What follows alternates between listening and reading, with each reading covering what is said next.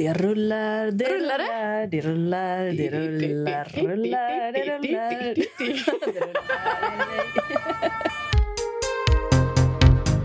Petroakuten med Nicky och Freja.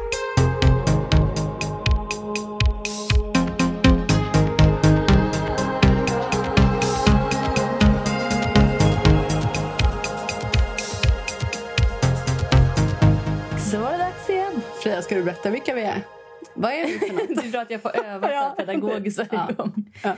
Jo, vi heter, jag heter Freja och du heter Nicky. Mm. Och vi är en relationspodd som får svara på dina heterosexuella, heterosexuella frågor ur ett lesbiskt perspektiv. Ja, vi har fått så mycket mejl. Mm, så mycket. Det, har, det känns som vi säger det varje gång, men alltså den här gången är det något rekord, tror jag. Ja, på kort tid framför allt. Så Mm. att ni som eh, har skickat in och inte får svar den här gången, håll ut. Ja. Vi kommer till er. Uh, jag måste andas. Jag redan- känns som att jag tar sats för att svara på det. Vi har fått väldigt mycket återkopplingar och någonting som vi faktiskt har efterfrågat men inte fått. Så har vi faktiskt fått två mejl där lyssnare kommenterar på mejl som andra skrivit. Just det. Alltså, de kommenterar och det var inte de som ställde frågan. Nej, precis. Ja, det blir mycket spännande idag. Ja, det är roligt när det är fler som engagerar sig än bara de som skriver själva. Och vi tackar för era tankar. Ha, ska vi dra av första återkopplingen? Vi gör det. I förra avsnittet så hade vi en lyssnare som behövde göra slut med sin partner och ville Ja. att vi skulle säga till henne ordentligt. Och Vi sa i princip det som den ville höra. Gör Mm. slut direkt. Och eh, återkopplingen kommer typ samma dag. Ja, vår lyssnare har eh, svarat men också tagit med ganska mycket privata delar där det kan bli lite uppenbart ifall partnern skulle lyssna. Så därför har vi tagit bort de delarna efter Ja. önskemål. Klippt och klistrat lite. Klippt och klistrat. Mm. Här får ni den officiella berättelsen. Ja. You Som ni sa i avsnittet, ju mer jag skrev desto tydligare blev det att jag ju redan visste vad ni skulle svara. Det är ju, som ni också återkommer till i podden, så bra att skriva ner allt för att få syn på vad man egentligen tänker och känner. Efter att jag skickat frågan gick jag och uppdaterade mejlen konstant och hoppades på svar. Ville ju egentligen bara att ni skulle göra slut åt mig. Ge mig ett manus eller en steg för steg-guide. Men efter ett dygn typ insåg jag att jag för fan är en vuxen människa som måste ta ansvar för mina relationer även när det är svårt. Det kunde inte vänta. Jag berättade för en vän att idag kommer jag att göra slut. Så åt henne att fråga mig nästa dag om jag hade gjort det. Kom överens om att jag skulle ringa när jag visste att hen kommit hem och då fråga om hen ville ses eller prata på telefon. Värsta timmarna i livet att bara gå och vänta och försöka distrahera sig själv från domedagsscenarier i göra slutandet. Till sist var klockan dags. Jag ringde min partner igen. Redan när hen svarade kunde jag höra att hen mer eller mindre visste varför jag ringde. Det var som att hen svarade i en suck med en ledsenhet. Jag bet ihop, sa till mig själv att i det här samtalet får jag inte vara den som behöver tröstas. Svalde gråten och sa att jag ville prata. Jag fick känslan av att hen ville skjuta upp det oundvikliga. Insåg att jag måste vara den obevekligt starka i det här, att ansvaret låg på mig att inte gå med på att lirka plåstret långsamt. Gör slut nu för fan. Så jag sa det. Ingen inlindning eller luddighet. Jag vill göra slut. Fy fan alltså. Fy fan Nicky och fy fan Freja vad det suger att göra slut. Ja. Vi pratade om saker som känns för privat att dela med mig av. Det var ett bra och svinjobbigt samtal. Jag höll ihop mig själv så gott jag kunde, försökte svara på hennes frågor. Hen frågade om vi kanske skulle ta en paus, backa och känna efter. Kanske dejta andra ett tag. Undrade om vi verkligen behövde göra slut så definitivt. Och jag tvingade mig själv att säga att det är slut. Punkt. Som när Lily i How I Met Your Mother måste lära sig att säga eh, till sitt ex att det är över utan att lägga till ett right now för att liksom mildra avvisandet. Inte sett den serien faktiskt, Nej, men eh, Jag förstår. förstår. Mm. Så jag gjorde slut utan att ge hopp om att det kunde förändras. Fy fan! Jag ringde en vän, brast totalt, grät och undrade om jag var sämst i världen som gjorde henne illa så här. Min vän sa det jag behövde höra, att ja, jag gör henne illa, men nej, det gör mig inte sämst. Eh, den som ger sig in i leken får leken tåla och så vidare. Att vara i en relation är att göra sig jävligt sårbar. Vi pratade länge och hon delade med sig av sina breakup-listor på Spotify och så åt med att äta glass och choklad. Mycket bra. Igår träffades vi typ två veckor post breakup. Jag skrev innan och frågade om jag fick kramas när vi sågs och det fick jag. Det kändes fint att ses igen. Det kändes bra som att vi båda kunde vara ärliga. Det känns som att vi kommer kunna landa i att inte vara ihop men ändå ha någon slags relation slash bekantskap som funkar för oss båda. Men det var fan ett eldprov i självbehärskning att inte ligga med henne. Särskilt när hen säger att det inte behöver betyda något mer. Att vi ju båda saknat närheten. Det är inget löfte om något annat utan bara ett sätt att fylla behovet av mänsklig värme. Så bara för att jag återigen behöver få bekräftat det jag egentligen vet. Visst är det dumt att plocka upp den sexuella biten av relationen igen även om vi säger att det inte är något annat än ett ligg. Så mycket tack till er. Och sen fick vi ett till mejl. Mm. PS. Okej, ärlighet vara längst. Dags för bikt och bekännelser. Vi kysstes när vi sågs. Eller snarare hånglade rätt mycket. Oj. Jag var tydlig med att det inte betydde något mer. Hen sa att hen är med på det. Men det hände. Jag är ju för fan så jävla långt ifrån perfekt. Men jag tror jag måste öva på att erkänna och acceptera det. Så nu vet ni. Starkt att erkänna det. Det är ju någonting som man skäms över efteråt. Så svarade jag ju Ja, du, var, direkt. du var snabb där. Ja, först skrev jag att vi kommer ta upp det här, men nej, ligg inte. Och sen fick jag ju den där förtydligandet såg jag då. Och då så sa jag, det var inte bra, gör inte om det. Och sen kom jag in som good cop och sa jag håller med Nicky men jag vill också berätta att jag har gjort samma misstag flera gånger. Och att det, Det gör inte bra. nej, det gör inte bra men man, eh, det är så man lär sig att det inte är klokt helt enkelt. Ja, jag är ju den andra personen ofta. Jag är den som försöker hitta små vägar in och är sådär, men vi kanske bara kan ligga, men vi kan ju bara ses, vi behöver inte vara ihop. För att man vill ju det på ett sätt, men jag tror att eller jag vet att man lurar också sig själv Ja, när man ja, säger ja. det. Man Det vill bara ha något. någonting. Man får sån himla panik av att tappa allt. Att man gör det här som är otroligt destruktivt för en. Mm. Och du måste komma ihåg att den här personen är kär i dig och vill vara tillsammans med dig. Japp. Den försöker bara plocka nu, dra de här små russinen ur kakan.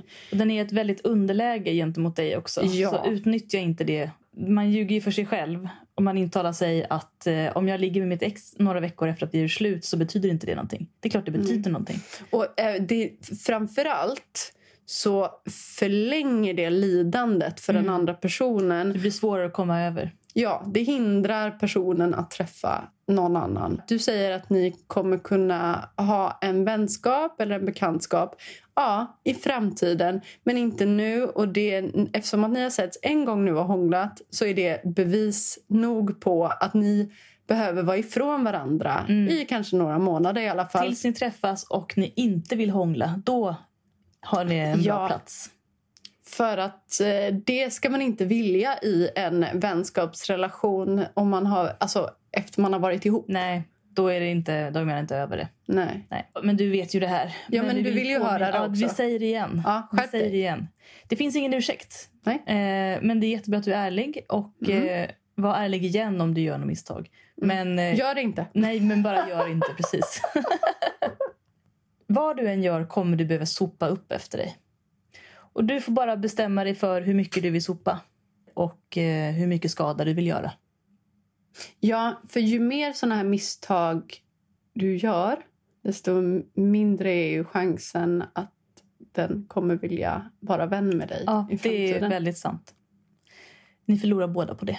Mm. Så nu tar ni ett ordentligt break. Ja. Lämna tillbaka det som lämnas tillbaka skall. Ja, gör det direkt. För det är sånt som man håller hållhake på varandra med. Ja. Mm. Spara inte något med flit. Nej. Låt varandra få leva. Japp. Live and let live. Bra sagt. Skål för det. Skål för det. Vi dricker just nu öl från min ölkagge. Och eh, den är torrhumlad, men jag har inte tagit ut torrhumlen. Så den har legat längre än jag trodde den skulle ligga. Och eh, för mina vänner har inte velat komma på fest hos mig. Ja, jag är på Ja. fest hos dig Ja, det är du. veckan. Det är du. Men du dricker ju så himla långsamt. Nej, men alltså, jag behöver hjälp. Podd brukar det gå ganska Ja, bra. sant. Och vad jag menar med fest är ju att jag vill att mitt band ska komma över så vi kan sitta och prata tillsammans. Och, Och dricka och öl. digga till musik. Exakt. kanske slå en liten rumba. Oj, oj, oj, oj, oj. Samba, samba. Lite zumba. En fråga kanske? Det här är en fråga vi fick efter vår livepodd. Ja. Fråga nummer ett faktiskt. Mhm. Hej! Tack för en fin livepodd. Älskar er. Ja. Jo, jag kom att tänka på L-word. Ni vet när hon den blonda... Lesbisk tv-serie, eh, Nickys anmärkning. Ja, tack för alla som inte vet det. Och för er som inte har sett L-word, se L-word. Det är så jävla Mm. roligt. Historiskt Ehm, dokument Ja, det är det verkligen. Alltså modedokument om något. av tidigt 2000-tal. Ja, det är så roligt. Den delen av 2000-talet som ännu inte blivit inne igen. Nej, det kommer tyvärr. Jo, jag kommer att tänka på L-word. Ni vet när hon den blonda blir hetero? Tina. Japp. Eller ihop med en annan man i alla fall. Eller en, En annan man, hon är inte bög, gumman. Jag börjar om. Eller ihop med en man i alla fall. Så slutar de andra tjejerna vara vän med henne. Hon var ju öppen med att hon var bi hela tiden i serien. Ja, det var hon. Ja. Absolut. Ja. Är detta något som skulle kunna hända på riktigt tror ni? Bara nyfiken. Skulle vi stöta ut vår vän om den blev ihop med en man? Jag tänker att det är lite mer komplext än så. Ja. Eh, svaret på din fråga skulle jag säga är ja, det skulle absolut kunna hända. Men jag tror inte det handlar om... Nu ska vi, inte, nu ska vi skilja på oss och världen, tänker jag. Ja, men jag tror oss och världen. Tror jag att det skulle kunna hända. Jag skulle inte stöta ut en vän. Nej, men det jag menar är att det som är i L-word är ju också att hon... Om Hon jag vill ju umgås med nya kretsar. Ja, Ja, tack. alltså det, det som händer är ju att hon blir tillsammans med en man och då flyttar ihop med honom. Så vanligtvis när man träffar en ny partner då kan, går man in i en liten bubbla. Det som också kan hända om man som bisexuell blir tillsammans med en kille då. Mm. Eh, dels så börjar man ju kanske dela umgänge lite mer. Med honom. Ja, Mm. och då i den serien så gick de mycket på lesbiska klubbar. Han är inte välkommen, Mm. eh, eller känner sig kanske inte välkommen. Eller vill och inte då, gå. Då, ja, och då är hon kanske inte lika intresserad av att, att gå dit. Och jag har också för mig att det är så här att hon känner sig inte riktigt välkommen för hon känner att det där är inte en del av mitt liv just nu. Och att hennes vänner tror att hon inte är intresserad av att gå på Ja. de här klubbarna och kanske slutar bjuda med lika ofta. Jag tänker att det här är vanligt även bland folk som typ skaffar barn eller Ja. liksom... Det Eller har, bara byter partner överlag. Att man Ja. börjar umgås med dens vänner och plötsligt har ett nytt Mm. sammanhang. Det är inte så konstigt egentligen. I deras lesbiska värld så känner ju alla varandra. De är ju typ tillsammans med sina kompisar. Alltså. Ja, ja, ja. Och han Alltså, det är har så- ingen del i det. Då kan det bli på det sättet. Ja, verkligen. Och det är säkert jätteskönt för henne att komma ut ur ankpölen. Mm. Jo, men också att man mig. tappar en del av sitt sammanhang. Och Det här har vi ju fått mycket frågor kring. Också faktiskt. Mm. Att bisexuella som känner att jag går inte ut på lesbiska klubbar längre för jag känner mig inte välkommen. Jag tänker att det handlar väldigt mycket om att man kanske blir lite förvirrad i sin... Alltså jag menar verkligen inte att bisexuella är förvirrade. Det är inte det jag menar. Nej, men jag men att man blir förvirrad i sin identitet. Mm. Att så här, Kan jag fortfarande gå Mm. på en lesbisk klubb om att jag... man inte känner sig inkluderad för att man inte kan spegla hela sig själv i sammanhanget. Precis. Mm. Att- Så jag tänker att det handlar både om ja, men dålig kommunikation skulle jag säga. Ja, det handlar verkligen. liksom inte om att åh, den här personen är hetero nu, då kan vi inte. Utan det Nej. kanske handlar om att de flyttar ihop och skaffar ett barn och försvinner, tycker man. Och så sitter de där och tänker varför, varför Hör inte mina vänner av sig längre? medan man så själv känner att ja, men hon hör väl av sig när hon Mm. är sugen och ses. Mm. Ja, jag har ju både vänner och ex som har blivit ihop med killar och som har försvunnit. Men jag har aldrig hört från deras håll, att, alltså när vi väl har träffats, att de är besvikna eller känner sig utanför eller så. Men att de saknar tidigare liksom mer queera sammanhanget. Mm. Och att det är en naturlig, liksom, ja men nu träffade jag någon som inte är en del av det och som inte är intresserad av det. Och jag kanske umgås hellre i mina nya kretsar samtidigt som man saknar det som har varit. Mm. Och det där är såklart jätteolika för alla. Och jag kan tänka mig att det finns lesbiska kretsar som skulle slu- utesluta någon. Mm. Det kan jag absolut tro skulle hända. Men jag skulle inte säga att det är en regel. Utan mer som du beskriver, Nicky. Att, att man plötsligt har ett nytt sammanhang. Oavsett så känn, tänker jag också att det handlar om vad man har för behov. Ja, Men vissa kan känna ett större behov av att ha queera sammanhang för att känna att man har en plats i samhället Mm. eh, och i ett community. Medan om man sen träffar en kille så kanske man inte känner att man behöver den platsen längre. Det beror ju Nej. på vad man har haft för inställning till sin egen sexualitet också. Sen kan jag tänka mig att det finns många män som träffar en tjej som tidigare har levt i men, lesbiska eller queera sammanhang och att den här mannen skulle kunna känna sig hotad av det sammanhanget. Absolut. Jaha, umgås du med dina liksom, lesbiska vänner? Mm. Försöker de omvända dig? Jag tänker på ett specifikt fall. En, ett ex som träffade en kille eh, som hon var ihop med ganska länge. Och Hon fortsatte umgås i samma kretsar som innan. Men när han var med så var han ganska... Mm. Eh, alltså det var svårt att umgås med honom för att han, han drog skämt som var så här, ah, du Freja, du är min flickväns ex och ska inte du och jag gå ut och slåss, ha ha ha ha. Vill du ha henne tillbaka? Ja, jag skämtar bara. Alltså, Mm. han var väldigt hotad av hela sammanhanget och det blev ju jättesvårt för alla att hantera. Ja, och det där tänker jag också säkert är ganska vanligt. Om man har varit i ett ganska queer-dominerat sammanhang och blir tillsammans med en kille som kanske inte har någon erfarenhet av queer-kultur överhuvudtaget. Att man inte vill som bisexuell ta med honom på fester. När det blir så, liksom. Ja, Mm. för att man som partner är rädd att han ska släppa ur sig någonting plumpt och Mm. att man ska jag menar, att man ska behöva förklara någonting som är en självklarhet. Mm. Tänk på bara senaste avsnittet av Gift vid första ögonkastet till exempel. Gud. där, eh, när de Midsommar. Ja, midsommar Ja. När, när det är ett par som sitter och sjunger Björn Rosenström-låtar och, och knulla pappa. Typ. Och Ja. ha, ha, ha, Nej. vad roligt. Eh, och våldta henne och liksom inte någonsin haft en analys Bara, det är kring bara en rolig och, låt, slappna av älskling. Ja, tänk om bara- det, det, ha- hade det hänt i ett queer-sammanhang Åh, så Gud. hade den killen aldrig fått vara i närheten av någon av dem eh, som var på den festen igen kan jag säga. Nej. För i queera sammanhang behöver man väldigt sällan ha en basal feministisk utläggning. Man har samma referensramar. Ja. Man, man förstår att man har samma utanförskap och Precis. gemensamma nämnare. Man känner sig trygg med varandra just för att man slipper ta den diskussionen om vad Precis. saker betyder i ett större sammanhang. Det är en, en trygg sfär och eh, det är ju såklart också någonting som gör det svårare för andra att komma in om man är ovan vid det. Tyvärr, det är ju så. Men det Ja. kanske är just det som gör det tryggt också. För att när man är med sina tryggaste närmsta personer vill man inte behöva förklara för någon ny person i det sammanhanget varför den precis har kränkt alla i rummet. Ja, varför är det sexistiskt att säga att man vill våldta någon? Ja, hmm, jag undrar varför. Ja. Ja, men... Det är bara en låt, Nicky. Slappna av. Ja, berätta så jag förstår. Ja, men jag vill inte berätta för dig. Du Nej. kan gå härifrån. Ja.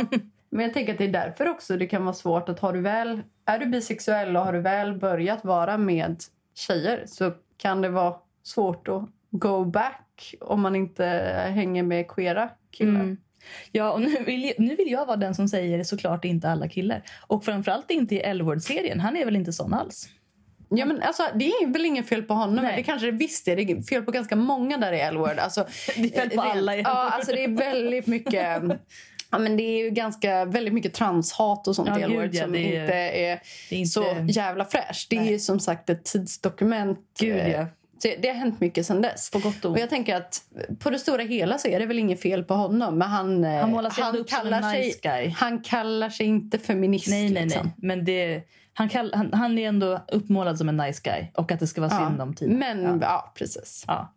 Ja, nej, det här är en lång diskussion. Ja. Om vi har gjort någon upprörd eller förvirrad av detta, skriv gärna till oss. Ja. Så svarar vi, Vi på det. vet ju att ni inte blir så himla kränkta av oss av någon anledning. Ju, Jag vet inte varför fel på er. Det kommer slå tillbaka, det vet du. Ja. Till slut. Ja, men då kommer du bli glad. Sitta där, vi har fått ett hatmejl, vi har Ja. fått ett hatmejl. Vi märks, vi märks, vi Mm. känns.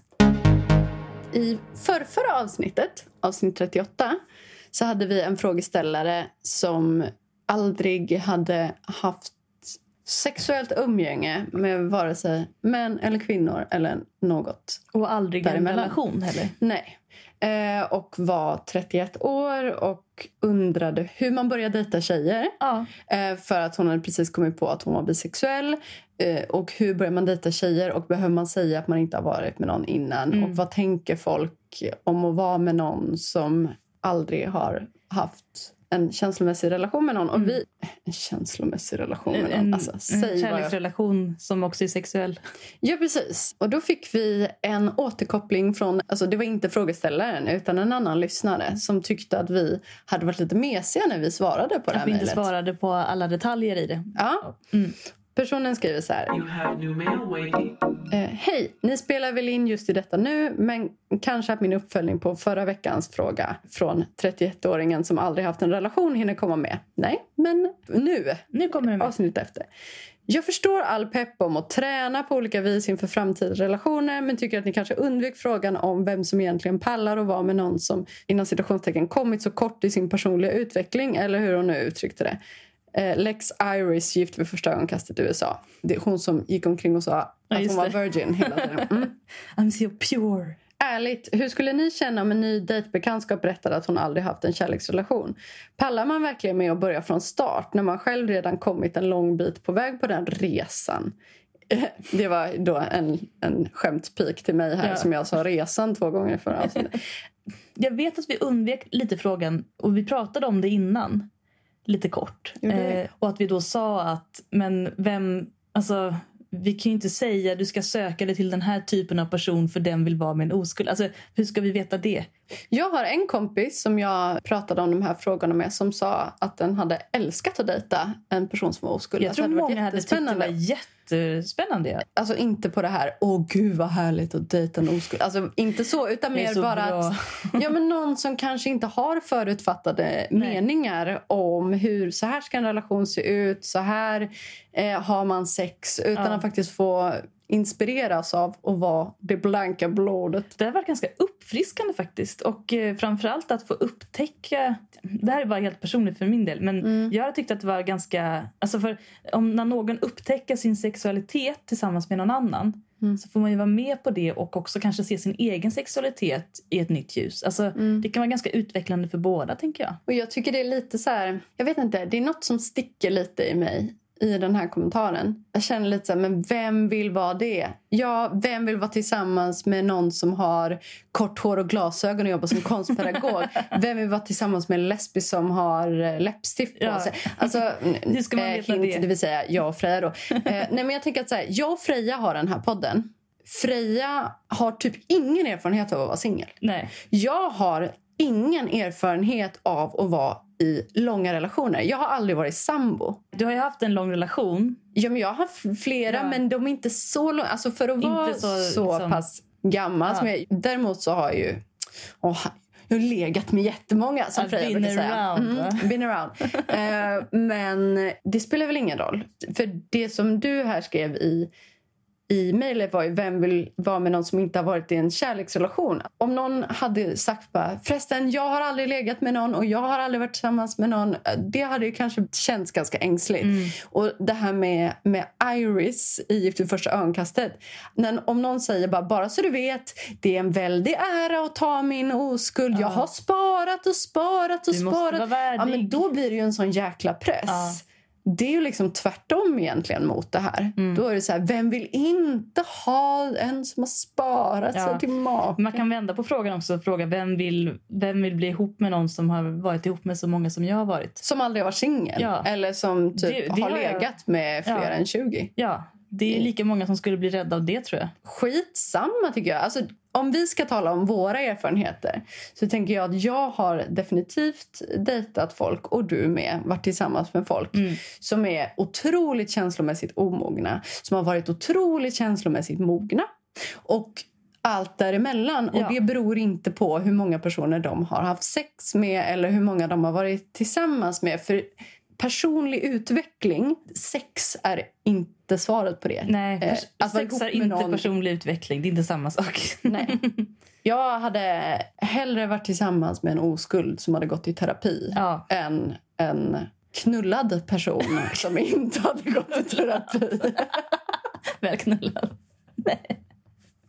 Är du en knullad person? Ibland. Ja, jag börjar ju gå sakta bakåt igen. Nej, du börjar krympa nu. Oskulden är tillbaka. Ja. Ja, I år är jag faktiskt oskuld, det kan jag avslöja. Skål för Nickis Skål oskuld. för min oskuld. Lex Iris. Mm, Lex Iris. Så om någon säger så här. Hej Nicky, vill du dejta en oskuld? Är vill du mer? dejta någon som bara har legat med fem personer? Mm. Eh, vill du dejta med någon som har legat med 200 personer? Mm. Det, är så här, ja, men det är kanske inte det man frågar när man börjar dejta någon. Nej, jag håller med. Det, det handlar om väldigt mycket andra saker. Och det måste man kunna se för att ha kommit långt i sin personliga utveckling. Who burn? Ja, förlåt. Det, alltså jag tror verkligen inte du menade Nej, något illa. jag heller. Jag är Men bara är lite intressant. känslig just nu. Och jag vill försvara den som Ja, skrev är brevet faktiskt. Eh, och att göra ett förtydligande där. Det är Ja. jätteviktigt. Vi gick nog inte runt det så mycket. Det var nog bara det att vi kanske inte la Jag inte vikt på Nej, det. precis. Det är inte det som är grejen här. Det, det. Vi kan heller inte svara på den frågan. Nej. Vi, vi kan inte ge en så här fantombild av den personen som vill dejta den här personen. Men om vi säger att vi målar upp en fantombild nu av en person Ja. som säger jag söker efter oskulder. Då hade jag blivit mer rädd. Mycket rädd. Så vi kan lämna det där kanske. Ja. Undvik Jag dem. tänker att det som är jobbigare det är ju kanske då dejta någon som inte har accepterat att Ja, man, är- sin sexualitet. Det är svårare. Det är något annat. Så därför tänker jag att den här personen genom att känna att hon kan känna att trots att hon inte har haft sex med någon att jag vet om att jag är bisexuell. Starkt- ja, det starkt är jätte, det är, du har kommit en bra bit. Ja, bra insikt. Vissa kommer inte ut förrän de är, är dementa på äldreboendet. Nej, det är sant. Det har vi Det är sett. sant.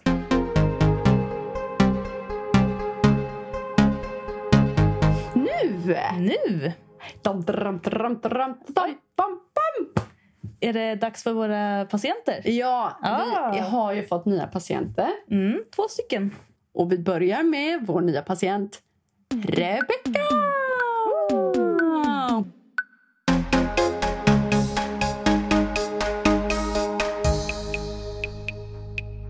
Nu kör vi rätt på här. Alla barnen. Alla tjejer hade långa bröst. Utom Rebecca. Ty hennes voro likt svalor som häcka. Åh! Och det är alltså som en liten dun. Dina bröst är som svalor som häckar. Oh. Ja.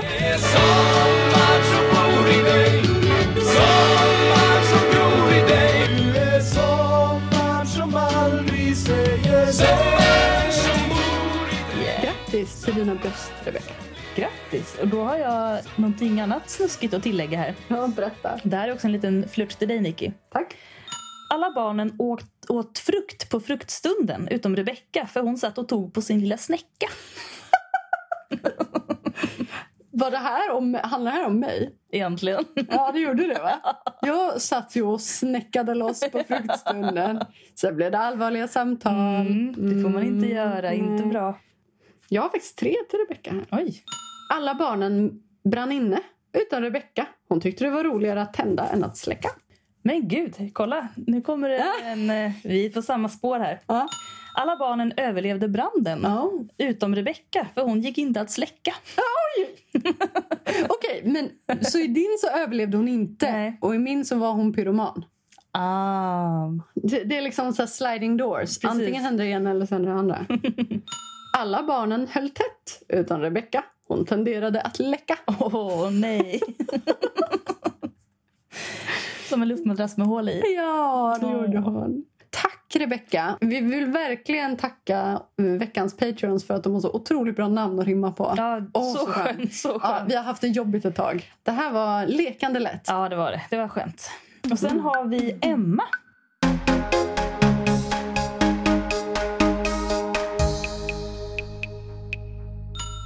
Alla barnen fick pojkvänner. Ja, alla fick pojkvänner. Det fanns inga flickvänner här. Nej. På mellanstadiediskot. Utom Emma. För hon var utklädd till fågelskrämma. Åh. Mm, fel kostym. Men så Men- kan det gå. Alla barnen sjöng vackert utom Emma. Hon gick inte att stämma. Snyggt. Alla barnen behöll oskulden innan äktenskapet, lex Iris. Utom Emma, för hennes lust gick inte att hämma. Oh. Mm. Alla barnen flörtade finkänsligt utom Emma. Hon ville klämma, drämma och slämma. Oj, oj, oj, oj, oj, oj. Och den gick ju mycket väl ihop skulle jag Ja, säga. Ja, Snyggt Jag kände det jobbat. var för många bra rim på Emma för att låta dem vara. Ja, välkomna, välkomna. Ja, hoppas ni Ehm. känner er välkomna in i, i familjen nu. Mm. Och eh, jag vill fortsätta lite på det här bara brygg, bryggeri, fribryggarorden som jag har startat Ja. indirekt här. Ni kära fribryggare som är patrons, ni får väldigt gärna komma med egna recept också så Ja, kan, eh, kan vi dela det åt båda håll så att säga. även om har hittat något recept som verkar otroligt på internet. Eller Ja. något sånt. Eh, Men det kommer flera. Jag kom på en grej. Jag kan ju faktiskt dela likörrecept på Ja, Patreon. det är klart du ska. Det gör så jag jävla kan, bra göra likör. en, eh, jag kan göra en krusbärslikör, vilket man typ Mm. kan applicera på rabarberlikör eller vad som helst. Och citronlikör. Det är lite Ja. annorlunda och det går lite snabbare att göra. Ja, men när det här avsnittet släpps Mm. så finns det ute till er Patreons. Och det var väl där du började din likörkarriär med limoncello? Det? Nej, det var faktiskt inte. Det var sist. Jaha, Jag har gjort eh, björnbärslikör, jag har gjort rabarberlikör. men du bjöd ju mig på limoncello för jättemånga år sedan. Men jag började göra likörer för över tio år sedan. Oj, oj, oj. Ja, Och gammal gamet. du ser va. Jo. Det är stark, stark erfarenhet Mm. vi pratar om här. Vi håller ihop, vi fribryggare. Vi måste skaffa olika så här, hemliga handslag och lösenord och sånt. Det måste vi... vi merch! Ja, Fribryggarna.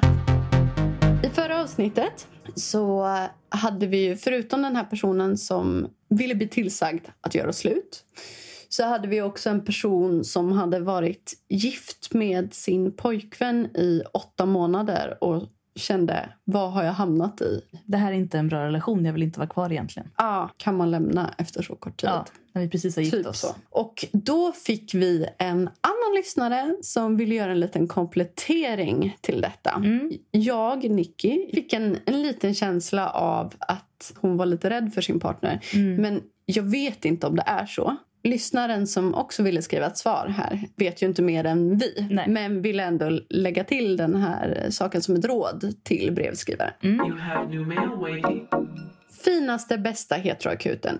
Jag är mitt i senaste avsnittet och hörde precis ert råd till den som varit gift i ett halvår och nu vill göra slut. Jag blev glad över att ni tog det på allvar. Jag hörde också den outtalade rädslan i frågeställningen. Jag vill bara tillägga lite. Ofta i en relation med en våldsam eller kontrollerande partner så börjar det beteendet i samband med att till exempel flytta ihop, gifta sig eller få barn tillsammans. Precis när man är som mest fast i relationen och känner men jag kan ju inte lämna nu. Då börjar eller eskalerar våldet. Så det kan vara ett nytt beteende som inte funnits innan eller som ökat. Hur som helst var det otroligt starkt av lyssnaren att identifiera hur det har påverkat hennes självkänsla och bestämma sig för att lämna innan det blir ännu värre. Värt att nämna att detta beteende brukar bara eskalera med tid och inte minska även om det går i cykler där det ibland känns som att relationen har blivit bra igen.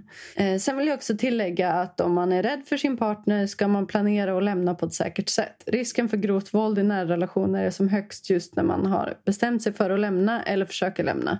Men det går att göra säkert. Man kan ta hjälp av en kvinnojour eller Kvinnofridslinjen för att göra en plan. Nu hoppas jag att allt det här låter som värsta overkill för lyssnaren. Men kunde inte låta bli att skriva efter att ha sett eller jag hört varningsflaggorna i frågan. Tack för att ni svarade på frågan precis som en väldigt klok vän hade gjort med empati och värme. Bästa hälsningar en trogen lyssnare som kan lite om mäns våld mot kvinnor. Mm. Tack för att du skrev. Jättebra komplement.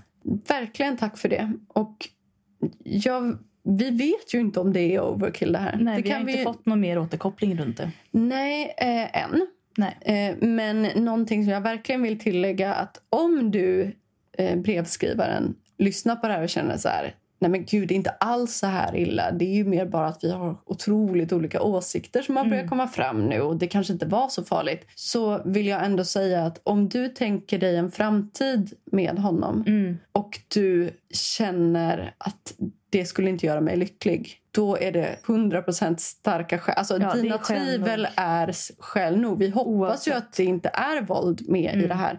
Om det känns förödande för självkänslan att vara med en person. Då ska man inte vara det. Nej. Nej. Och nu skrev ju den här som skrev återkopplingen sa att, ja, men, att det var starkt av dig att ha bestämt dig för att lämna. Och det vet vi ju inte om du har gjort. Nej, det lät ju inte hoppas- så egentligen. Helt. Mer som att du hade insett att du kanske skulle vilja lämna. Ja, Mm. men skriv gärna och berätta hur Mm. du mår och hur det går. Vi, Ja. vi, kan, vi kan svara dig privat. Ja, vi vill gärna vara stöd ändå om du behöver oss. Ja. Mm, det är jättebra att förtydliga. Men ett jättebra svar Mm. från lyssnaren. Det finns en väldigt bra bok. Den är fruktansvärd, men den är väldigt bra och väldigt intressant. En bok som heter I händelse av min död. Mm. Som, där det är två journalister som har kartlagt alla kvinnor som har blivit mördade av sin partner senaste 20 åren, tror jag det är. Oj. I Sverige? Ja, i Sverige. Väldigt intressant läsning, väldigt bra som ljudbok. Mm. Är den tung? Det låter tungt. Den är tung, men de skriver väldigt tillgängligt. Och så det är inte det där gottande i, Nej, i nej våldet, inte, liksom. inte ett Nej. dugg. Man lär sig mycket Mm. av att läsa den. Och lär sig varn- att titta efter varningssignaler Mm. och ja, men, att ta farhågor på allvar oavsett. Liksom. Jättebra. Mm, det var ett bra tips. Ja, och det här är liksom absolut inte kopplat till din fråga. Det är liksom inte, nu ska vi inte Nej. dra det här tusen Det- varv. Ämnet Men angående mäns våld mot kvinnor Mm. så vill jag ändå nämna den boken. Då ska vi läsa upp ytterligare en återkoppling. Det är återkopplingarnas dag här. Det var någonting med förra avsnittet som gjorde att folk vaknade till och ville säga saker till oss. Det var väldigt kul. Ja, jätteroligt. Fortsätt med det. Eh, vi startade ju ett, ett litet nytt inslag, eh, lite spontant, Mm. i förra podden. Och det är att vi tipsar om hur man flörtar med olika stjärntecken. Efter tips från en lyssnare som tyckte Precis. att det här varit roligt. Första gången var det ju stenbocken. Ja. Och förra avsnittet så gick vi in på fisken. Ja, och vi bad också er lyssnare komplettera Precis. ifall det var så att ni kände att vi missade något. För det blev ju lite på studs, kan man väl säga. Mm. Och då har vi fått en återkoppling som lyder som följer. You have new mail waiting. Alltså, jag älskar er så mycket. Hjärta gråtsmiley. Tack. är för övrigt olyckligt kär i en stenbock för tillfället så alla flörttips för stenbocken var en smärtsam men ack relevant checklista. Och jag tycker ni skötte er mycket bra gällande fisken men ni glömde en viktig detalj, djupet. Ja, det håller jag med om faktiskt att du gjorde.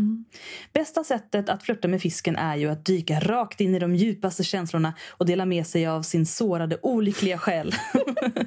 Oavsett om man har någon eller inte. Man har någon själ i alla fall. Ja. Vi älskar ju också överdådig romantik, så det jag förstår att det är en fisk som skriver här. Så länge det inte är en klyscha. Förför oss runt midnatt i månljuset med en flaska whisky, ja, när vi brutit oss in i grannens utomhuspool. Oj! Alltså, Ja, jag förstår precis. Jag håller med. i- ja, och jag kommer, tänka, jag kommer osökt att tänka på Alice Som en eh, som är fisk. Som när hon berättade, eh, för, men säkert för ty, ja, det var länge sedan i alla fall. Men hon hade i alla fall gått på en dejt där hon och en tjej hade spenderat natten med att den här tjejen hade läst poesi för henne. Mm. Till, jag tror det var till typ Joni Mitchell i högtalaren eller någonting. Och jag höll på att kräkas. Alltså jag tyckte det lät helt fruktansvärt och Alice var helt såld Ja. på detta. Alltså, om- om man vill ha en bild av fiskens eh, ja, men favoritumgänge så är det väl så här litteratursalong under 1800-talet på någon så här, eh, vacker spegelsal i mörker med levande ljus och folk som läser upp. som sagt. Det är kanske levande musik, det är djupa samtal, Främmande språk. ja, främmande språk, exotiska inslag. ja, exakt så. Ja, och jag skulle nog säga att det kan nog gränsa för vissa då, kanske inte för dig, men för många fiskar kan, får det nog gärna gränsa till klyschigt. Ja, ja, ja. Bara man kan liksom komma undan med det. Absolut. En sak som jag har sett i många nära fiskar i mitt liv. Mhm. Att de har en tendens att eh, upphöja folk som de dejtar. Att sätta folk på en piedestal. Ja, Och så om någon uttrycker någonting som den kan tolka på ett lite djupt sätt så kommer den säkert tolka det så även om det inte var menat så. Därav, den kanske tror att någon är djupare än vad den är. Eller är mer mystisk än vad den är. Och sen när man inte lever upp till den rollen som fisken trodde att man eh, var så kan den ofta bli ganska besviken. och det här rosa skimret som man Mm. kan tala om. Det är, man ser det i deras ögon. Japp, tänk glimrande lax. Exakt så. Tänk dig en glimrande... Du är min lilla glimrande lax. Bling bling. Ja, och det här Mm. leder ju oss in på denna veckas stjärntecken. Vattumannen. Nu blir det flört med, med, med Vattumannen.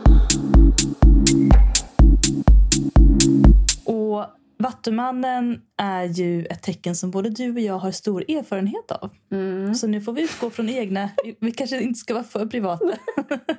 Men vi har ju mycket att säga här. Va? Ja, mycket att säga. Mm. Vi måste bara välja våra ord. Japp. Eh, för det första, säg inte att du vill ha en relation. För att det finns ett nyckelord för va- Vattumannen och det är frihet. Frihet är allt. Ja, som Sting sjunger. If you love someone, set them free. Japp. Det är liksom skrivet om Vattumannen. Det är all in Vattuman. Du kan inte hålla fast en Vattuman.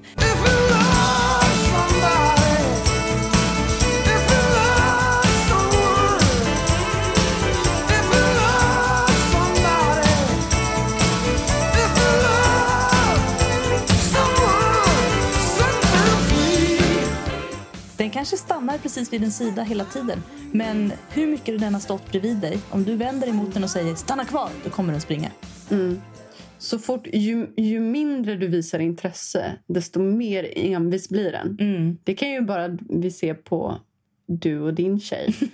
att att Japp. Hon frågade dig, får jag kyssa dig? Och du sa nej, Mm. nej, nej. Men hon fortsatte ändå Japp. fråga. Japp. För att hon skulle fråga tills hon fick ett ja. Och Ja. till slut fick hon ett ja. Fick ett ja. Men eh, det är ju väldigt lätt att skrämma bort en vattuman nu. Kan man ju Mm. dra slutsatsen av detta. Så om ni vill flirta med en vattuman, tänk att du är het gröt. Och du luktar gott och är god och lockar på olika sätt. Och katten får gå runt dig. Tänk att det är corona. Två meters avstånd. Precis.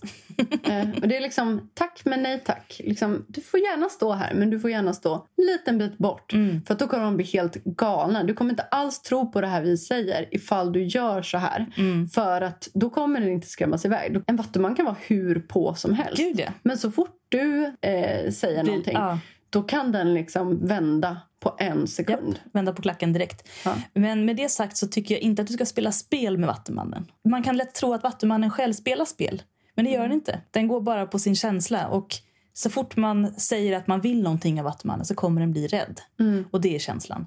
Men den är inte ute efter spel för den sakens skull. Så var god, het gröt. Visa att du tycker om den. Men ge inte allt direkt och säg du måste lova mig allt i ditt liv. Du måste vara barn till, min, barn Nej. till mina föräldrar. Du måste vara förälder till mitt barn. Alltså, inget sånt. Fia inte på första dejten. Mm. Prata inte om framtiden. Nej, Jo, nej, nej, nej. Absolut inte. Om du pratar om en framtid, prata bara om dig själv i den framtiden. Då kan den bli kränkt och vilja bli inkluderad. Mm. Exakt. Men om du inkluderar den, då är den inte långvarig kan jag berätta. Då har den försvunnit innan du har sagt chilivippen. Ja, då ska jag ändå säga att eh, det här beror ju på hur trygg Vattumannen är. Då. Alltså alla människor, alla rimliga människor blir ju lite ängsliga när man börjar bli förälskad i någon. För det kommer mycket känslor och man blir orolig att förlora någon. Mm. Man är sårbar. ja, det, det är en skör situation. Men det är liksom ingenting mot vad Vattumannen blir. Den, liksom, den blir ett vrak. Japp. Den går sönder av Den, ja, och jag tror att du, du får inte spela självständig, men du måste vara självständig. Ja, jag tror att det är det enda som håller faktiskt. Och sen är det ju så att Vattumannen kan ju mycket väl planera för framtiden. Men då måste den få kommit på det själv. Ja, i Eller- alla fall känna. I alla fall känna att den har kommit på det själv. Ja. Så det var ett väldigt bra tips du gav där, Nicky, att säga jag tänker mig det här i min framtid och så vill den haka på. Och sen kanske den själv säger om en vecka jag tänkte att vi skulle kunna göra det här. Och då nickar man bara och säger spinn, inte vidare för hårt på det då. Ah, sa du det? Då tänker jag det här och det här och det här också. Då blir det bara nej. Ja, vi måste poängtera att det här handlar om inledning. Alltså, vi, pratar om att flörta Ja, med någon. inte det handlar inte, ihop sen. nej, Nej. utan det här handlar om hur får du en vattuman på Mm. kroken. Play it casual. Ja. Don't make it weird. Nej. Var bara dig själv och stå stadigt på marken. Ja, chilla. Och tänk inte så här, nej men gud jag kan inte boka in det för jag måste se om den här personen kan ses den här veckan. Säg bara, nej men jag kan tyvärr inte ses den här veckan. Vi kan ses nästa vecka Ja. istället. Ja, offra Boka in egen tid. Nej, nej, nej, Nej. För att Det misstaget har jag gjort med Vattuman. Den måste få välja själv. Ja, och få känna att den inte liksom berättar vad den är, vad den Nej. tänker, vad den tycker jämt. Om du känner så här, gud jag har inte fått ett sms av den här personen idag. Bli inte orolig. För om du skriver två sms i rad är det mycket större risk att du förlorar personen än att du låter det gå en vecka och sen skriver den igen. Mm. Ställ inga ultimatum. Det, här, det låter ju hemskt. Det är lite svårt att dejta vattumän ibland. Det är inte lätt. Nej. Och det, Det är en man ska utmaning. vara ärlig med. Och om man säger att man är på en dejt med vattuman då och har lyckats få till den här träffen. Mm. Sitt inte då och berätta hur du upplever att vattumannen är. Säg inte så här, jag tror att Nej, du nej, är nej. så här. Jag tolkar dig som en sån här person. Nej, nej, nej. nej. Nej. Att Du känner inte mig. Nej, du känner inte mig. Mm. Inga etiketter på vattumannen. Jätteviktigt. Även om det är helt uppenbart. Precis som Ja, ja, ja. Säg inte det. Nej, nej, nej. Den vill väldigt gärna bli bekräftad för att vara en mystisk, fri själ. Mm. Som är väldigt stark, självständig. Hur jävla ängslig och darrande den är. Det Ja. För att är det någonting som Vattumannen verkligen är rädd för så är det att tappa kontrollen. Det vill säga börja bli beroende av en annan Mm. person. Ja. Så du bör vara en ganska stadig person själv. Annars kommer du flacka iväg som en liten ballong i luften av att dejta en vattuman. Ja. Och det passar inte alla. Men eh, för en person som är ganska stadig på jorden så kan det vara världens bästa del i ditt liv att ha en person som, som är så öppen inför saker och fri i sig själv och eh, ja, men ombytlig också. Och Ja, Aktiverande. spontan, äventyrlig på olika sätt. rolig, ofta väldigt rolig. Gillar ofta naturen. Mm. Många intressen och det är mycket som händer Mm. runt Vattumannen men man får inte alltid vara med. Nej, och det är okej. Ja, precis. Så- Men man, man kanske inte ska vara en person som bara längtar efter ett Svenssonliv. Nej, nej, nej, nej, nej. Du bör vara okej med att ha egen tid också själv. Om du blir tillsammans med en vattuman så kan du inte ställa krav på att den ska göra saker på ett sätt som du förväntar dig. Du kan till exempel inte säga nej, du kan inte plugga i en annan stad för vi ska ju vara ihop nu. Eller Mm. du kan inte resa på den här resan själv. Varför ska vi, vi, vi ska vi resa tillsammans? Nej, vattumannen måste få känna att den kan välja själv. En vattuman vill ju väldigt gärna om den säger så här. Jag tänkte åka och jobba i Frankrike i två månader. Så vill den att du ska säga Gud vad kul! Mm, berätta mer. Då, då får du skriva brev därifrån. Mm. Eller sådär. Eh, och inte säga men jag då. Mm, Även nej. om ni har varit tillsammans i två år. Aldrig men jag då med en vattuman. Nej. Nej, nej, men jag tänker som din tjej. Hon är ju Ja. och pluggar i Stockholm nu. Ja, ja. Och hon har planer på att åka till andra delar av världen och hon vill resa med mig också men hon vill också göra egna grejer. Och det Ja. tycker jag är jätteviktigt för henne att göra. Hade du inte gått med på det? Nej, det hade inte gått. Nej. Då hade det inte funkat. Nej. Och det innebär ju också att jag är en person som gillar... Men jag, jag tycker inte att det är hemskt att sitta hemma och vänta. Du måste inte heller vänta. Du Nej, precis. Jag gör mina grejer oavsett. Så man, Mm. man ska nog vara lite samma skrot och korn där. Men om du dejtar en vattuman så kan du vara säker på att du kommer få en väldigt uppskattande, hedrande, kärleksfull partner som överraskar dig på många sätt. Mm. Och det blir i alla fall aldrig tråkigt. Nej, det blir inte. På tal om Vattumannen Va? så har vi här en Ja! naturlig brygga till nästa fråga som blir poddens sista fråga det här avsnittet. Eh, för det är nämligen en vattuman som skriver in. Och här kommer den. Hej! Tack för en superfin podd. Så mycket härligt snack, roliga historier och tankeväckande idéer. Jag har plöjt er podd oavbrutet sedan jag fick nys om den. Tack! Vi blir jätteglada för det. Ja, verkligen. Jag har ett relationsproblem, eller snarare en relationscykel som jag inte vet hur jag ska ta mig ur. Jag är en 29-årig kille som inte lyckats att hitta rätt i kärleksdjungeln. Jag har en tendens att tycka att de allra flesta människor jag träffar är totalt skitointressanta. Hör dig! Eh, okej. eh, det ställer till det en del både när det kommer till vänskapsrelationer men framförallt när det kommer till kärleksrelationer. Jag har under de senaste tio åren haft samma mönster när det kommer till kärleksrelationer. Livet går sin gilla gång och det händer inte särskilt mycket på ett bra tag. Jag går på någon dejt då och då men det känns både onödigt och tråkigt och jag släpper dejtandet efter första träffen för jag känner totalt avsaknad av kärlekskemi. Ett, tu, tre så står hon där. Ah! Hon som gör mig helt blixtförälskad direkt. Kärlek nummer ett. Hon som jag tycker är superhäftig, superintressant och utmanar mig på ett härligt vis. Jag blir dunderkär efter första träffen i princip. Jajamän. Och börjar direkt skena iväg i tankarna om vårt nya liv tillsammans. Jag lever upp och blir lite lätt manisk.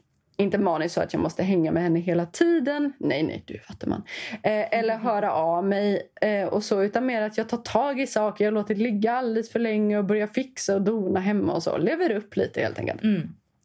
Nu är det ombytta roller. Det är hon som efter någon träff tycker att jag inte är något för henne. Så jävla trist. Korthuset faller ihop. Jag kraschlandar. Funderar på vad det är för fel på mig. Vad jag skulle kunna göra annorlunda. Varför det blir som det blir. Pladask ligger jag där som en övervintrad och utsvulten padda på rygg som sakta torkar ihop och dör i vårsolen. Åh nej. Sjukdomsinsikten är noll med tanke på att jag säkert gör samma sak med dem jag träffar som jag inte går vidare med. Jag försöker att ta mig igenom vardagen ändå. Tänk att nästa gång, nästa gång då är det min tur att bli så där härligt förälskad i någon som blir lika förälskad i mig. Försöker att hålla ihop det, gå på någon pliktskyldig dejt mest för att komma över min blixtförälskelse. Eller så går jag inte på någon dejt. Det spelar liksom ingen roll. Kärlek nummer två kommer att komma som ett brev på posten. Efter kärlek nummer ett kommer alltid kärlek nummer två. Hon står precis framför mig och ber mig att bli kär i henne. Och det blir jag såklart. Jag har ju precis, Såklart. jag har precis öppnat min Pandoras ask av alla känslor på vid gavel och inte hunnit stänga den ännu. Jag projicerar alla mina känslor och framtidsdrömmar jag hade för kärlek nummer ett på kärlek nummer två. Hon blir blixtförälskad och jag får känna ömhet och närhet och jag behöver det efter veckor av ensamhet och längtan. Ändå bara veckor, ja. Men det är ju inte henne jag längtar efter. Jag ger all kärlek jag har kvar i mig till henne men hon är ju inte kärlek nummer ett. När jag väl har öst ur mig all kärlek jag har kvar så står jag där i en relation med en person som jag inte vill vara tillsammans med. Den kärlek jag gav var ju inte hennes. Det hon fick var all kärlek nummer ett skulle fått. Min kärlek fylls inte på. Kärlek nummer två är inte lika häftig eller intressant eller utmanar mig som kärlek nummer ett. Månaderna går och jag och kärlek nummer två får en mer och mer destruktiv relation innan vi bryter upp. Jag mår väldigt dåligt över de två förlorade relationerna. Kärlek nummer två är alltid en fantastiskt lojal och vänlig person som jag lätt skulle vilja ha som vän efteråt men jag är inte kär i henne. Och det upptäcks alltid för sent för att det ska kunna bli en fungerande vänskapsrelation. Kärlek nummer ett vill ju inte träffas mer och henne skulle jag nog ha svårt för att vara vän med eftersom jag fått så starka känslor för henne som förmodligen skulle blossa upp igen. Efter uppbrottet med kärlek nummer två så går livet sin gilla gång. Jag träffar någon pliktskyldigt här och där för att känna hur det är att vara tillbaka i datinglivet. Drömmen om kärleken finns ju kvar. Det känns tråkigt och meningslöst. Efter ett halvår står hon där igen. En ny kärlek nummer ett. Cirkeln slut och livet upprepar sig. Mm. Hur ska jag göra för att ta mig ur den här cirkeln? Jag vill inget hellre än att få bli galet besvarad kär i kärlek nummer ett. Men det känns som en utopi. Det har aldrig hänt ännu. Jag hamnar alltid med kärlek nummer två för att sen känna hur känslorna ebbar ut. Det känns som jag har testat allt. Oj, oj, oj. Och sen får vi lite horoskopsinformation här. Mm. Tack för den intressanta frågan. Det är nog många fler än vad man tror som känner igen sig i det här kan jag tänka mig. Det är också en bra formulering på ett problem som kanske inte alltid tas upp. Alltså att man kanske blir ihop med någon för att man är sårbar och har liksom känslor för kärleken sen en tidigare förälskelse som inte var besvarad. Och så går man in i någonting nytt för att man längtar efter det. Jag tror att det är många som har gjort så. Alltså jag får ju en känsla av här. Lyssna på vad jag säger nu, lyssnare. Du blir galet kär i nummer ett, men det är inte besvarat. Du blir galet kär i nummer två. Det är besvarat. Mm. Och då går känslorna över Vad efter en är liten tid. skillnaden här? Kärlek nummer två är kärlek nummer ett. Alltså det är samma känslor, bara det att det är besvarat. Och då, när du lär känna en person, då kommer det ju nyanser. Då blir det ju liksom också bara en människa. Du har liksom höjt kärlek nummer ett till skyarna. Och du får aldrig chans att de känslorna ska dämpas för hon är inte intresserad av dig. Och då blir hon outkomlig. Mm, det bara växer och växer. Mm. En besvarad kärlek som börjar komma att bli trygg kan aldrig mätas mot de panik och olyckliga starka känslorna som är med kärlek nummer ett. Mm. För att du vet inte vad som hade hänt. Det är fortfarande mystik kring det. Mm. Mystiken Och det är det som gör att det blir så- nummer två. Ja, och det är det som gör att det blir så mycket starkare också.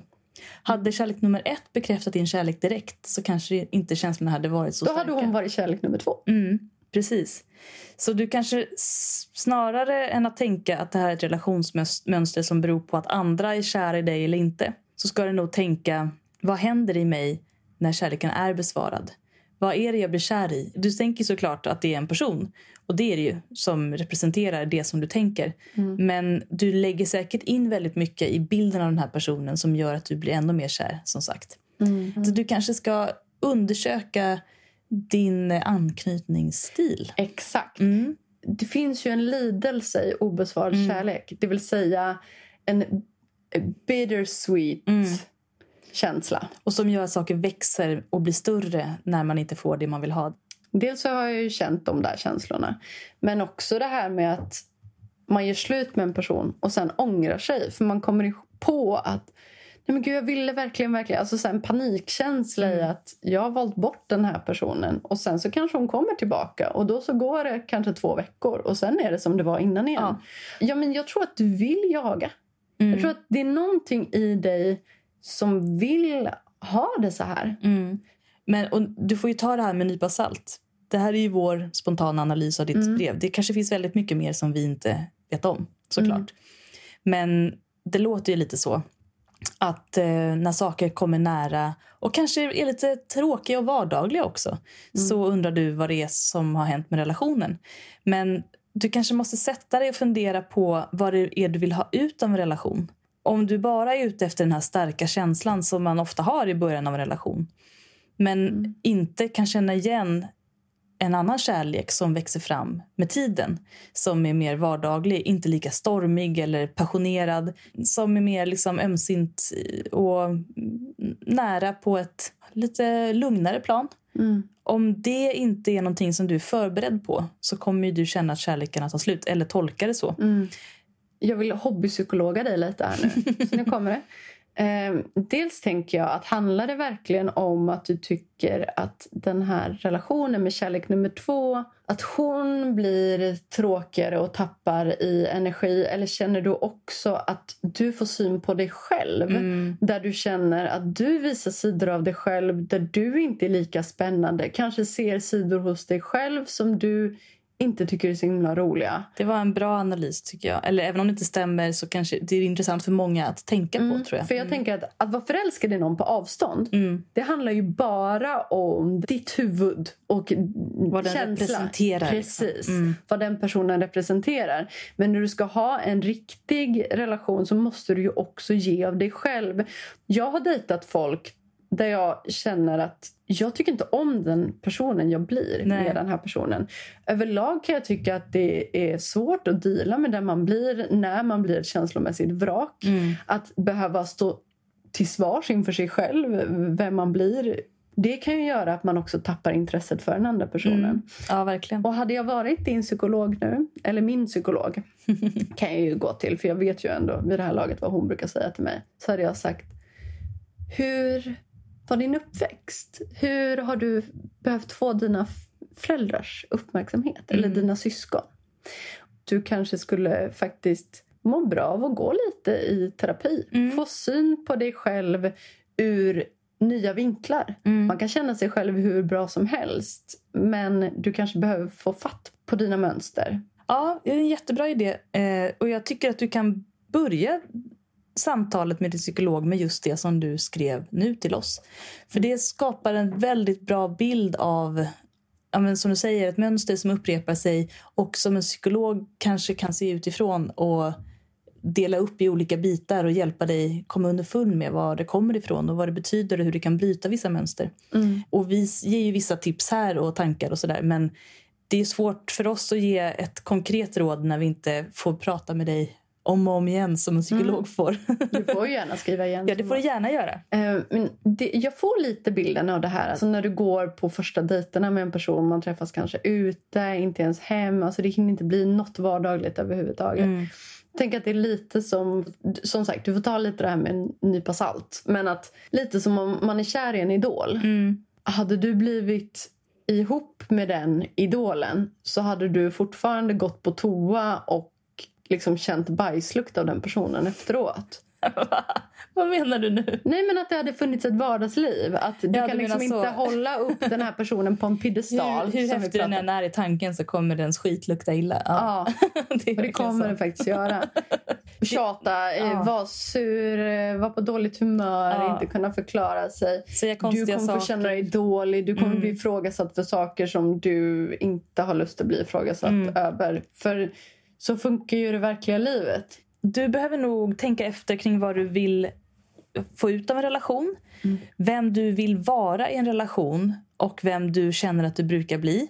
Sätt dig ner och skriv allt det här inför dig själv. För varför vi hela tiden tipsar om att skriva är för att när man skriver så inser man plötsligt saker om sig själv. Det kommer upp saker som man inte riktigt har tänkt på eller som man plötsligt kan formulera och inte har förstått innan. Eh, och om du har suttit och aktivt skrivit ner hur du tänker att du vill ha en relation, vad du ser fram emot, hur länge du vill vara ihop med någon, hur det ska utvecklas relationen. Hur du ser en framtid i Ja. en eh, tvåsamhet om det är det du vill ha. Ja, om du vill ha en långvarig tvåsamhet, hur vill du att den ska utvecklas och varför? Och Är det realistiskt eller inte? Och Vilken roll brukar du ta i en relation? Alltså, jag upprepar ju saker i alla mina relationer som jag bara blir så himla trött på mig själv att jag ser att jag gör. Men man, så länge man är medveten om det så kan man också ja, men för, för, förvarna sig själv genom att sätta sig och skriva och tänka och Ja. förhindra förhoppningsvis. Ja, och sen tänker jag också att du kan... Dels kan du göra det, sen kan du göra den andra vägen också. Hur är jag när jag är singel?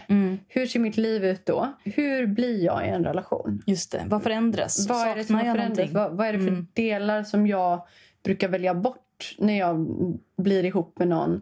Vad är det som personer brukar trigga i mig? Eller så här, vilka känslor brukar komma upp Mm. som jag inte är bekväm med? Vilka får mig att må bättre?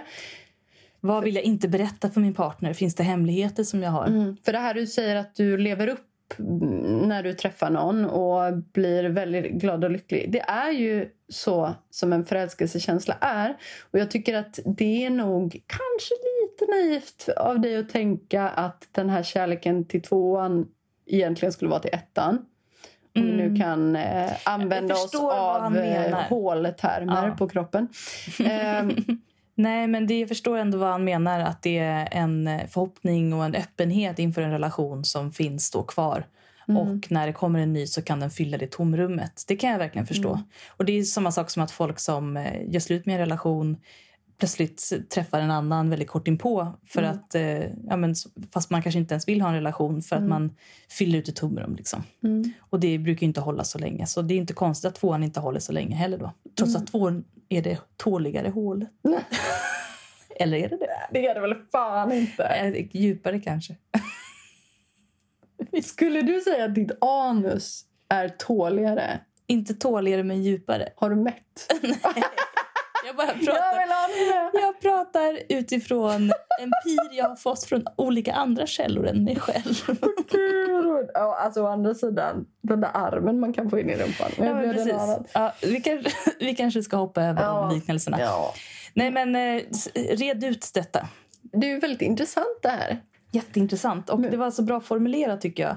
Ehm, hur du ser det här mönstret så väldigt tydligt upprepa sig. Jag vill verkligen bara bekräfta dig i att väldigt många människor är skit och intressanta och skittråkiga. Särskilt när man inte känner dem. Verkligen. Och visst, de kanske inte hade varit tråkiga om man lärde känna dem. Men man måste inte Nej, vilja man lära känna orkar alla. inte hela tiden. Det är helt okej. Alltså, det finns så mycket folk. Man ska vara glad att man hittar några Ja. härliga guldkorn i detta bajsland. Ja. Och du är ju vattuman och det innebär att du, antar jag, gillar intressanta samtal. Stimulerande samtal, utvecklande samtal, ifrågasättande, nya tankar. Och alla människor har inte den läggningen eller intresset att diskutera på det sättet. Jag, jag vill ge ett tips till dig som då vattuman. Mm. Att du kanske tänker att du vill träffa någon tjej som är helt olik dig och du ska gå på en dejt och ni ska ses ute eller liksom ta en öl. Skit i det. Jag vet ju om att du har massa intressen. Säkert massa specialintressen. Träffa någon på det sättet Mm. istället. Börja att lära känna någon genom någonting som du har ett brinnande intresse för. Jättebra! Det här har vi tipsat om förut, men det tål att upprepas. Eh, precis. Träffa någon genom att du gör de sakerna du tycker om. Och träffar du ingen så har du fortfarande gjort de sakerna du tycker om. Ingen förlust där. Nej, precis. Och jag tänker att det också kan skapa något lite mer långvarigt om du säger att du har... Det här kan bli så roligt. Det kan ju förmodligen vara helt fel. Om du har ett jättestarkt intresse för att skata. Du har ett jättestarkt intresse för det. Då börjar du gå till den lokala skateparken. Ja, men så här, och då kanske du träffar en tjej, du, om du då skulle bli svinkär i henne, hon kanske är nummer två. Men då kan ni åka ut på skateresor tillsammans. Ni kan här, då kanske du blir mer kär i henne istället för tvärtom. Det kanske kan få växa istället Ja, för att det börjar högt och kraschar. Ja, hon det- kanske är en god kompis och sen så Mm. inser du att hon har snygga händer Mm. och ehm, fina ögon och sen ja men plötsligt känner du någonting Står ni mer. på samma bräda? Ja precis, håller i varandra. Åker genom stan. Ja, jag kom på ett bra tips till här. Mm. Bestäm dig för att lära känna bara nya vänner. Dejta inte. Tänk att nu träffar jag nya vänner. Oavsett könstillhörighet och oavsett läggning och oavsett intressen eller vad som helst. Kanske någon av någon kön Kanske- eller lägg- läggning som du inte känner som Ja, många. precis. Lär känna personer som du inte brukar lära känna. Om det är något intresse som uppstår så är det bara positivt. Men om du, och det här är svårt såklart, för du kanske vill dejta. Men tänk att nu har jag en period när vänskap är i fokus. Och om någonting växer ur det så tror jag att det kan vara annorlunda än när du går runt i din datingbubbla och upprepar samma mönster. Lycka till! Ja, lycka till. Det här var en svår nöt att knäcka. Vi är nyfikna på din resa, för den räknas. Underbara mejl. Mm, underbara mejl. Det här avsnittet, som är avsnitt 40! Är det sant? Men förra var det Du- 38. 39. Ah. Vet du Freja? Nej. Vi har sagt att vi ska ha fest när det är Mm. avsnitt 50. Shit alltså, hoppas corona har släppt då. Ja, det är ändå det är om 20 veckor. Ja, det kan ju vara på bättring i alla fall. Ja, det kan också vara lite mer än 20 veckor om vi har gäst. Mm. Vilket vi ju såklart kommer Mm. ha. Bli Patreon. Be, pa- patient. Jag är så Bli, himla trött i huvudet. Bli en patient. Bli vi tar hand om er. ja, Och vi. vi ska försöka få upp lite mer saker på Patreon-sidan. Det går ju snabbare och blir mycket mer ju fler ni blir. Mm, det är sant. För det innebär att Nicky har möjlighet att sitta och klippa på ett annat Mm. sätt om det finns en lön inblandat i det. Ja, vi fick ju ett förslag från en lyssnare om att vi skulle skaffa en Discord-channel. Det kanske vi borde ha. De jämförde det då med Flashback Forever som har det och så sa jag att ja, men de har ju många, många, många, många tusen Patreons och vi har 19. Mm. Och att göra ett bonusavsnitt för ja, men säg 100 Patreons är ju väldigt mycket lättare. Mm. Lätt att ni- motivera. Men om ni blir fler så kan vi ge er mer tillbaka. Och vi hoppas att ni tipsar era kompisar och sprider vår podd. Missionera. Ja, jag har blivit nördig på att göra giraffhuvuden. Ja. Du vet, jag, jag snöar in på saker. Och du är så bra på det. Nu gjorde jag senast en Lilla My-giraff här.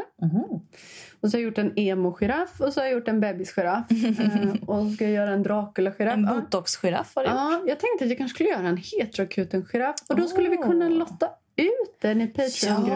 Ja, det är en väldigt bra Ja. idé. Men hur ser en heteroakuten giraff Det är det jag ut? ska komma på. Hmm. Kom gärna med tips hörni. Ja. Och ska vi säga så här? Om vi har 50 Patreons, Mm. då har vi en aktiv Discord-channel. Ja, ja, absolut. Men då garanterat. Ja. ja. Och liksom 50 spänn i månaden, det hjälper så, så, så Ni mycket. kan tänka, skulle ni en gång i månaden vilja bjuda Freja eller Nicky på en öl? Ja, en av oss per månad då. Ja. Freja Varannan- ena månaden, Nicky andra månaden. Det är den lilla kostnaden som Vill ni bjuda oss båda. Mm. på öl? Då kan man 100 kanske ge kronor. 100. Ja. Mm. Vill ni bjuda oss på att även dela på nacho? Ja, tallrik. Och då självklart få Ett horoskop. massa för, ja, och Mm. förmåner för det. Ni kanske också vill bjuda oss ett litet tag, Ja. ett par månader. Och sen hoppa av. Det går jättebra. Ja. Gud jag blir sugen på nachos nu. Fan vad gott. Mm. vi säger tack för den här gången och vi hörs snart igen. Puss puss! Hej